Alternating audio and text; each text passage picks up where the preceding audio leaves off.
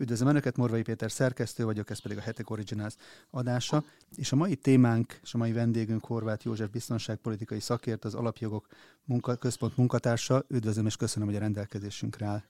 Jó napot kívánok mindenkinek!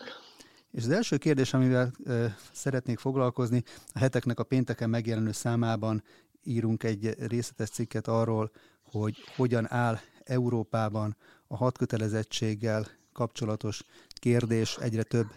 országban vetik föl, legutóbb például Boris Pistorius, német védelmi miniszter, azt, hogy hiba volt a hatkötelezettségnek, sorkatonaságnak a megszüntetése, felfüggesztése,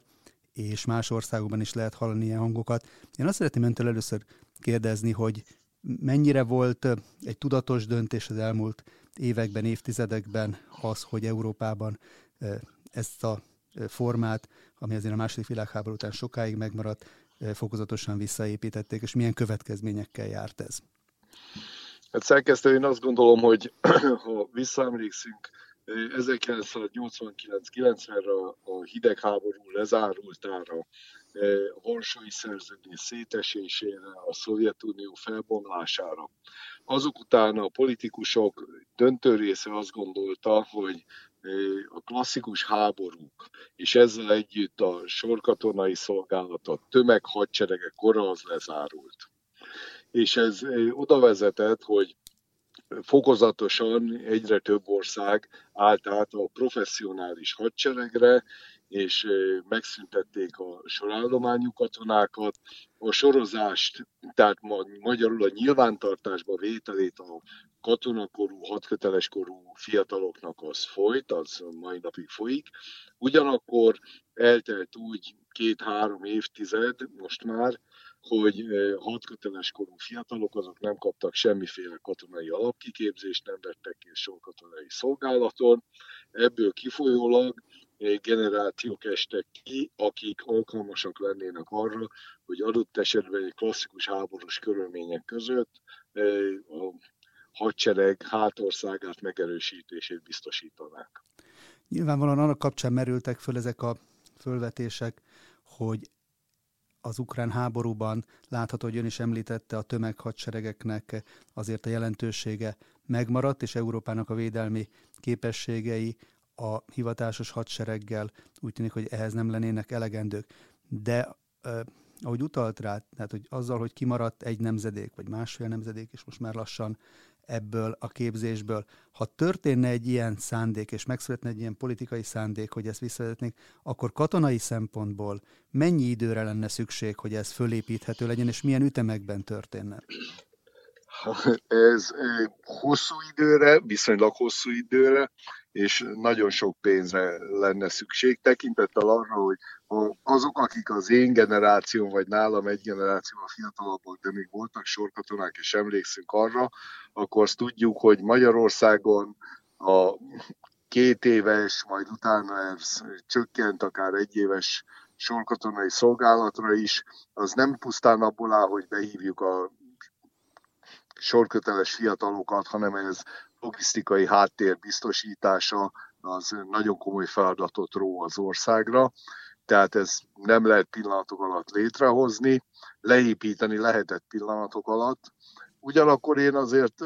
megjegyezném, hogy azon túlmenő, hogy ezt újra létrehozni és fölépíteni, ez nem egyszerű és nem egy-két nap alatt történő feladat lenne. Én azt gondolom, hogy jelen pillanatban, ahogy ön is mondta, hogy például a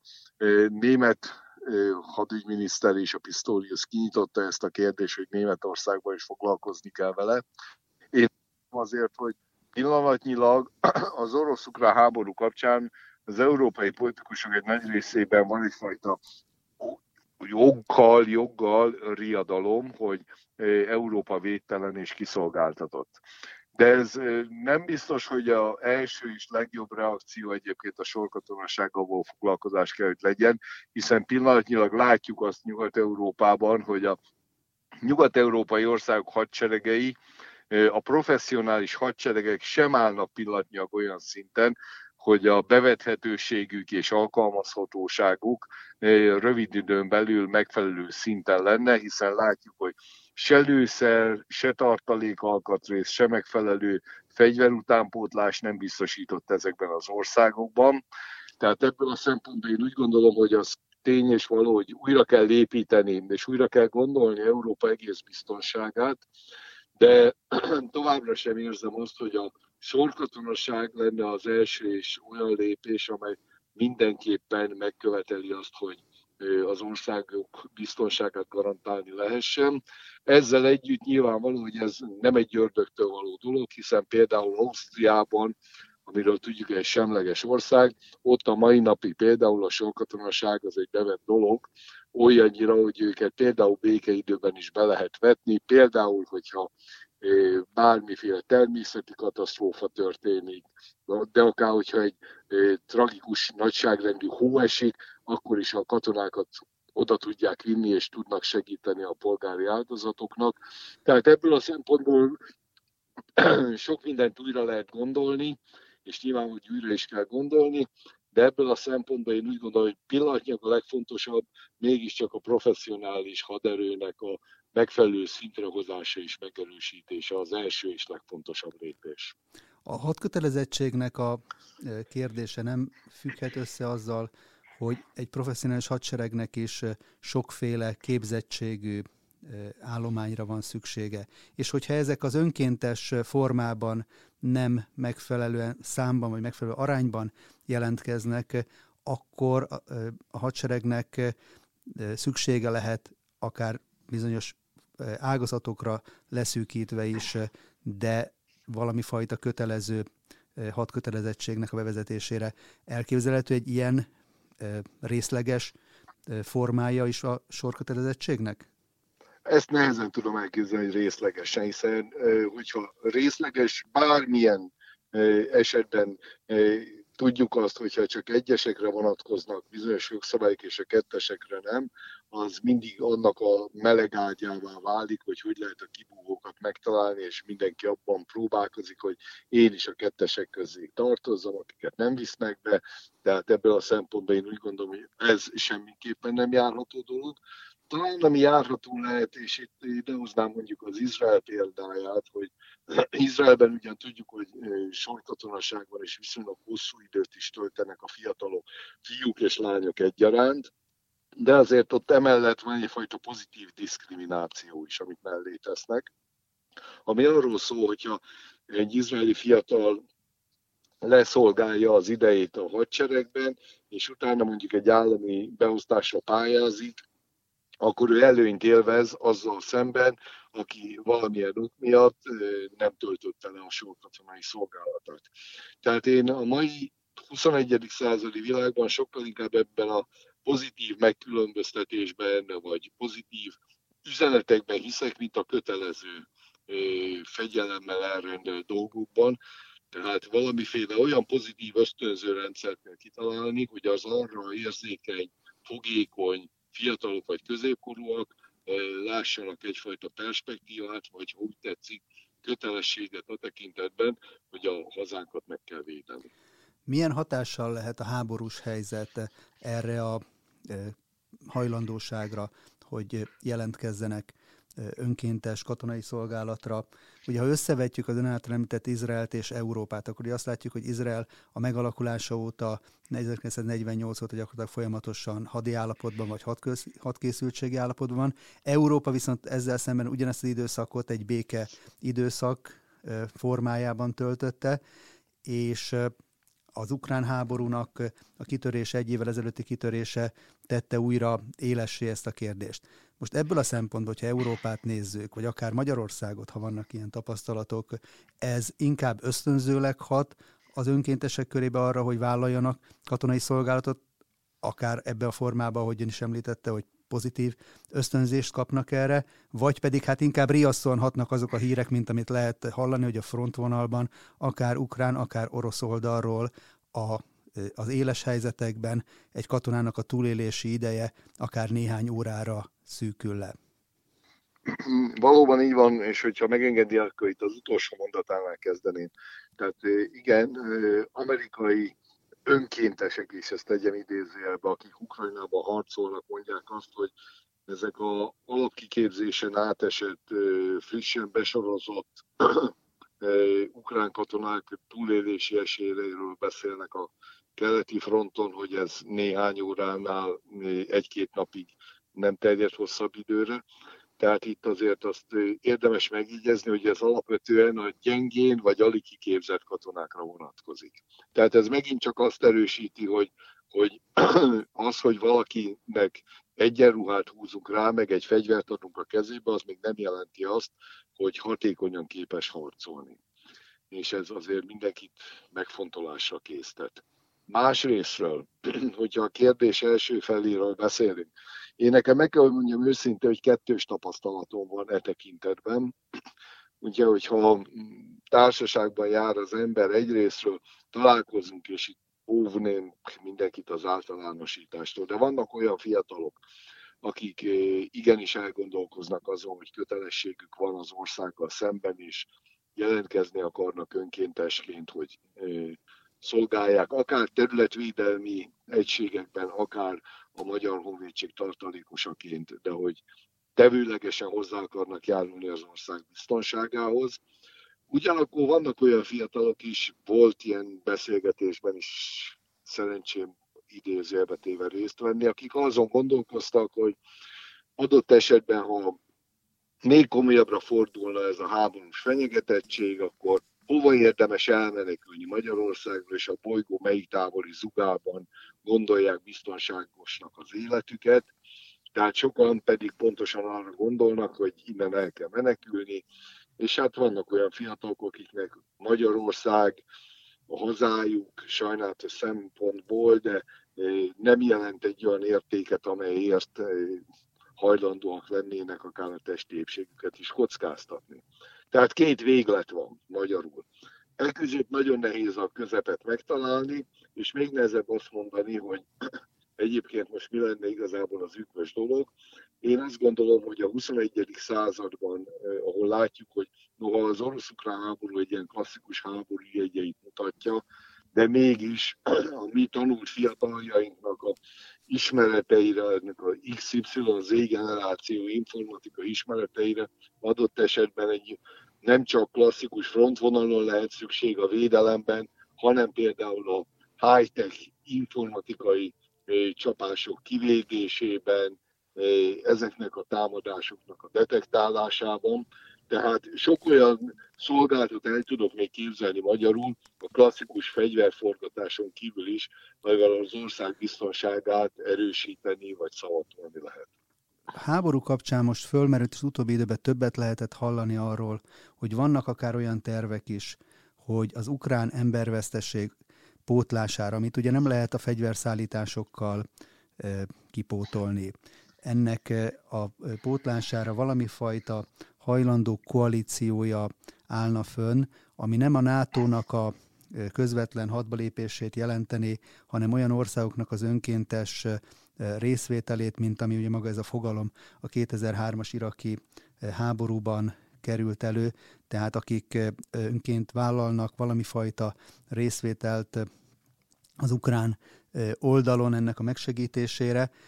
Hogyan látja ön, hogy egyrészt van ennek realitása, van-e olyan erő Európában, ami ilyen formában a közvetlen eszkaláció veszélye nélkül bevethető lenne az ukrán fronton, illetve hogy milyen következményekkel járhatna ez? Hát először is én azt gondolom, hogy ez egy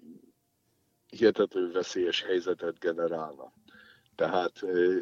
lenne ennek természetesen, hogy úgy mondjam, egy szofisztikáltabb megoldás, amit az oroszok is alkalmaztak a Wagner csoporttal, az amerikaiaknál is tudjuk a Blackwater nevű magánbiztonsági céget, tehát van erre a világban számos ilyen szervezet, amelyeken keresztül azt lehet mondani, mint ahogy most is egyébként ma Ukrajnában az oroszok detektáltak lengyel, angol, francia beszélgetéseket a front közvetlen közelében. Magyarul, hogy ilyen külföldi úgymond önkéntesek vagy zsoldosok azért megjelentek már ukrán oldalon is, mint ahogy orosz oldalon is. Tehát ez egyrésztről ez még lehetne egy olyan fajta, nem is azt mondom, hogy megoldás, de lépés ettől a ukránokat támogató fegyverrel beszálló koalíciótól, ami még talán-talán nem jelentene egyet azzal, hogy a háború az végletesen kiszélesedik. Minden ettől eltérő dolog. Tehát, hogyha most ez a Ukrajnás segítő országok köre úgy döntene, hogy önkénteseket küld oda, onnantól kezdve én azt gondolom, hogy ez a háború már nem tartható a jellegi keretei között. Tehát ez egy hihetetlenül veszélyes dolog lenne, és azt kell, hogy mondjam, hogy ennek a felvetése azért nagyon jogos, mert látjuk azt a, a frontról érkező hírekből, hogy az ukrán katonák hősies ellenállása oda is vezet, hogy hihetetlen gyorsasággal veszítik el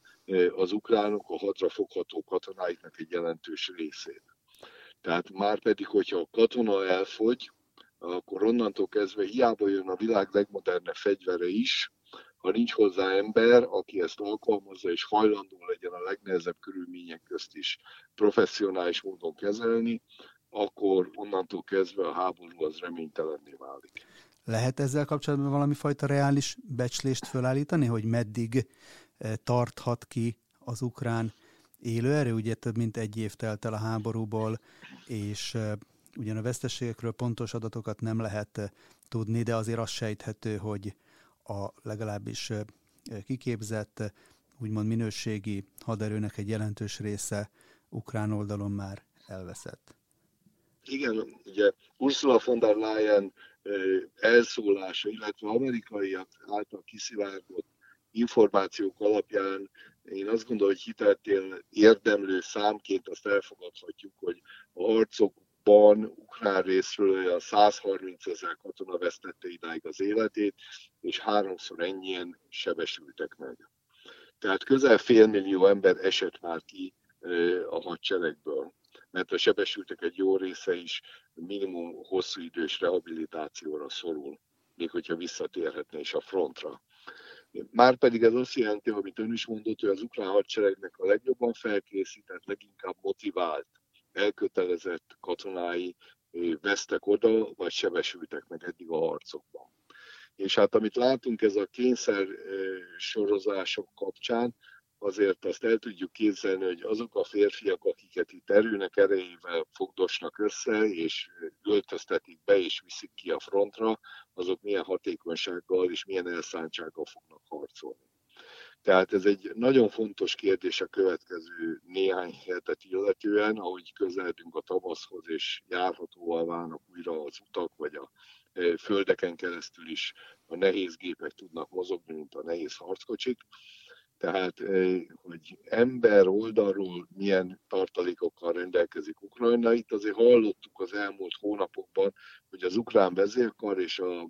elnöki kabinet között időről időre vitapattan ki, hogy akár mint Mariupolnál, vagy most Bakhmutnál elvérezzenek-e a legjobb katonák, vagy pedig őket érdemes lenne visszavonni egy későbbi reménybeli támadáshoz tartalékolni őket. Ez annál is inkább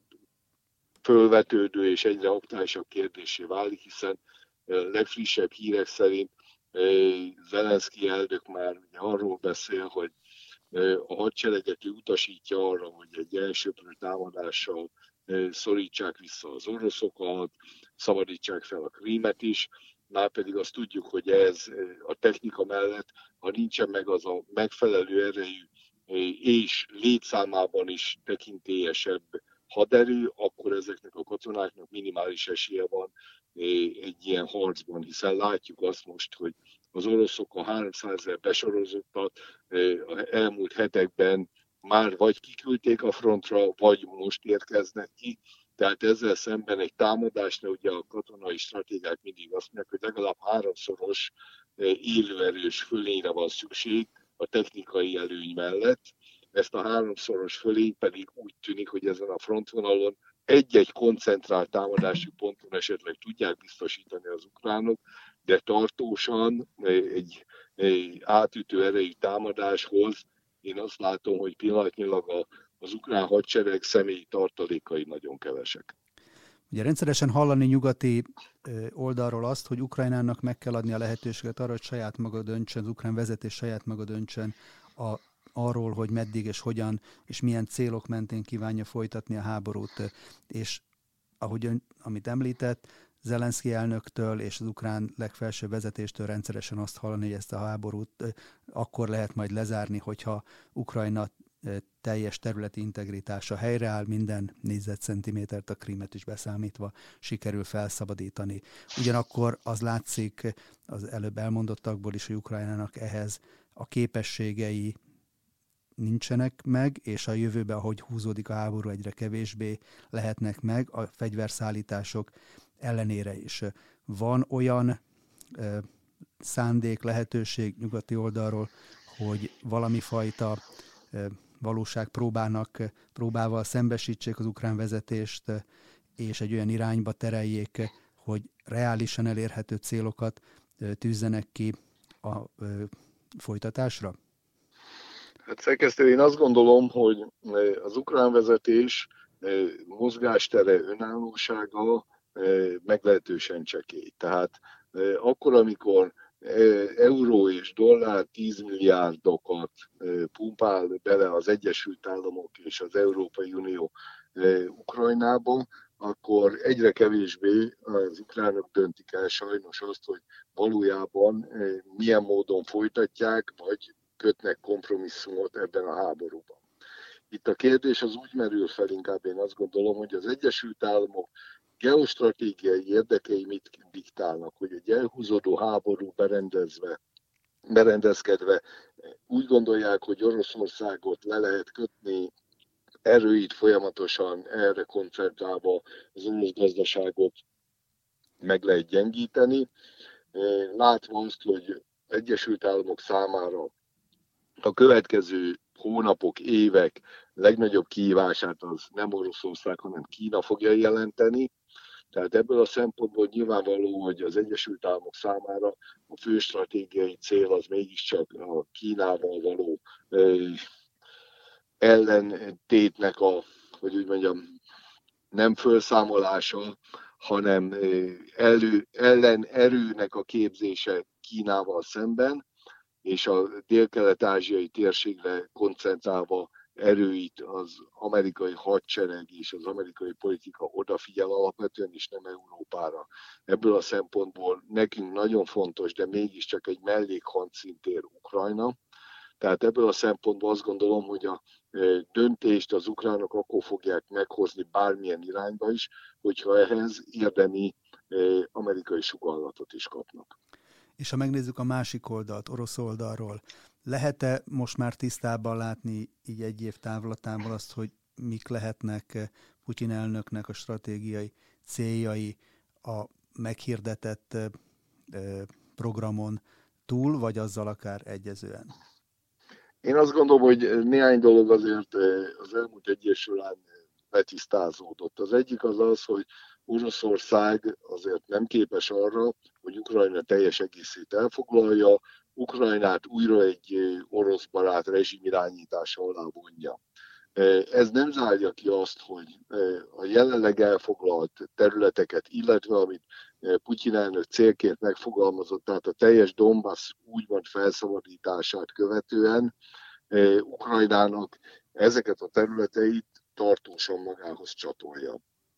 És emellett én azt gondolom, hogy irányadónak kell tekintenünk Lavrov külügyminiszter szavait, éppen a nyugati fegyverszállítások után, amikor azt mondta, hogy amennyivel nagyobb hatótávolságú fegyvereket kap az ukrán hadsereg, annál nagyobb távolságot kell az orosz hadseregnek elfoglalnia, azért, hogy egyfajta ütköző zónát hozzon létre az orosz területek és a fegyverek ható távolsága kapcsán, hogy ne lehessen közvetlen módon támadni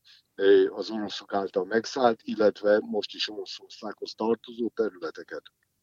Tehát én azt gondolom, hogy Putyin elnöknek saját belpolitikai érdekeit is tekintve, ez a minimál célja, ettől ő nem tud visszalépni, mert ellenkező esetben úgy otthon, mint a szövetségesei körében is elveszíteni azt a fajta képet, amit idáig gondosan építettek az erős és hatékony, ütőképes Oroszországról. Az elmúlt napokban mindkét oldalról lehetett hallani olyan fölvetéseket, hogy valami fajta provokáció készülhet vegyi fegyverek bevetésére. Mire vonatkozhat ez az elképzelés egyáltalán? Milyen vegyi fegyver fenyegetés lehet reális, ami egy, ebben a most zajló konfliktusban egyfajta eszkalációként megjelenhet? Én azt gondolom, hogy ezek a megnyilatkozások alapvetően annak szólnak, hogy egyik fél sem tudott átütő erejű sikereket elérni a frontvonalakon. Tehát ez az orosz lassú felőlő taktika, ez működik, de nem jelenti azt például, hogy Bakmutot már be tudták volna keríteni, vagy egy mindent elsőprő támadást tudnának indítani a front bármelyik szakaszán, és ugyanez igaz az ukránokra is. Márpedig ebben a lassú, ide-oda mozgó frontvonalakat és a jelentős veszteségeket látva, nyilvánvaló, hogy mindkét fél a kommunikációs területen is igyekszik a másikat elhitelteleníteni, illetve olyan fajta forgatókönyveket fölvázolni, ami a másikról szemben egy ilyen negatív képet mutat föl. Tehát magyarul én azban bízom, hogy ezek a fajta vegyi fegyver bevetésére vonatkozó felvetések abban a sorban kell, hogy illeszkedjenek, mint az atomfegyverrel kapcsolatosak. Tehát nem gondolom azt, hogy akár csak egy harctéri vegyi fegyver támadás bármelyik fél komolyan fontolgatna, hiszen nyilvánvaló, hogy aki ezt megteszi, az onnantól kezdve az összes morális tartalékát, hogy úgy mondjam, a világ közvélemény előtt fölemészti. Ebből a szempontból inkább arra kell figyelni, hogy melyik fél lehet képes arra, hogy ilyen provokációval a másikat besározva hajtson végre egy olyan idegen zászlós támadást, ami úgy tűnne, mintha az ellenfelem hajtotta volna végre, közben én magam teszem ezt meg, de hát az, hogy a saját katonáimat, a saját polgáraimat tegyem ki egy ilyen támadásnak, egy ilyen dezinformációs játszma sikere érdekében, az azért megint számos kérdőjelet vett föl, és nem gondolom azt, hogy ebben a mai információs világban túl sokáig egy ilyen műveletet titokban lehetne tartani. De a, maga a kommunikációs fölvetése is akár nem tudom, hogy látjon, alapot adhat arra, hogy például egyfajta ENSZ beavatkozása sor került. Láthattunk ugye az említett 2003-as iraki invázió kapcsán példát arra, hogy hát utólag nem valósnak bizonyult vegyi fegyverfenyegetés, vagy biológiai fegyverfenyegetésre hivatkozva történt ENSZ beavatkozás. Az elmúlt napokban is lehetett hallani olyanról, hogy az ENSZ világélelmezésügyi programjának a vezetője fölvetette azt, hogy az ukrajnai gabonaszállításoknak a védelmére minden erőt és minden lehetőséget meg kell ragadni és mozgósítani kell, ugyan nem kimondva, de ebbe beletartozhat ilyen ENSZ békefenntartó kéksisakos alakulatoknak is a térségbe vezénylése.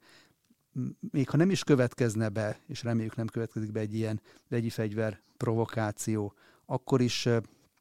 előállhat egy olyan helyzet, hogy akár ennek ürügyén vagy erre való hivatkozással ENSZ alakulatok jelennek meg? Erre ENSZ alakulatok akkor jelenhetnek meg egy adott konfliktusos térségben, hogyha legalább már tűzszünet van a két fél között, és a tűzszünet, a fegyvernyugvás betartására kék lehet az ENSZ részéről úgy vezényelni, hogy ezt mind a két fél elfogadja. Látjuk ezt például a ciprusi görög-török határon, látjuk ezt más területein a világnak, ahol ezeket többé-kevésbé eredményesen vetették be. Ugyanakkor azt is láttuk például a délszláv háború kapcsán, Bosznia-Hercegovinában a holland kéksisakosok azok nem töltötték be a feladatukat. Tehát én azt gondolom, hogy pillanatnyilag aznak, hogy a, az ENSZ békefenntartókat küldjön Ukrajnába, arra minimális az esély és akkor reméljük, hogy a provokációk azokról szóló hírek valóban csak a kommunikációs térben maradnak. Horváth József biztonságpolitikai szakértő, az Alapjogok Központ munkatársa volt a vendégünk. Nagyon köszönöm, hogy a rendelkezésünkre állt, és várjuk legközelebb a stúdiónkban személyesen is. Köszönöm a kívást, minden jót, viszont hallásra. Viszont hallásra.